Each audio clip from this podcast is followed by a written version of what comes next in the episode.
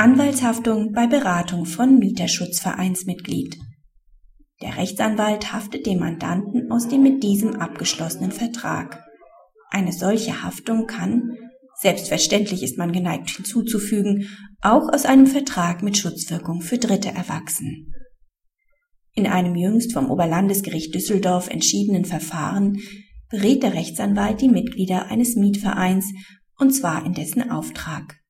Ein unmittelbarer Vertrag mit den beratenden Vereinsmitgliedern besteht nicht.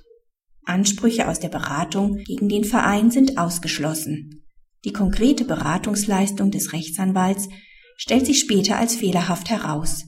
Für den entstehenden Schaden muss der Rechtsanwalt nach Meinung des Oberlandesgerichts einstehen, selbst wenn er mit den Mitgliedern nicht unmittelbar einen Anwaltsvertrag geschlossen hat.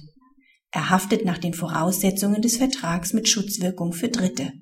Für ihn ist bei Auftragserteilung über den Verband eindeutig erkennbar, dass die Beratung nicht diesem, sondern seinen Mitgliedern nutzen und helfen soll. Dann muss er aber auch den Mitgliedern gegenüber haften. Praxishinweis.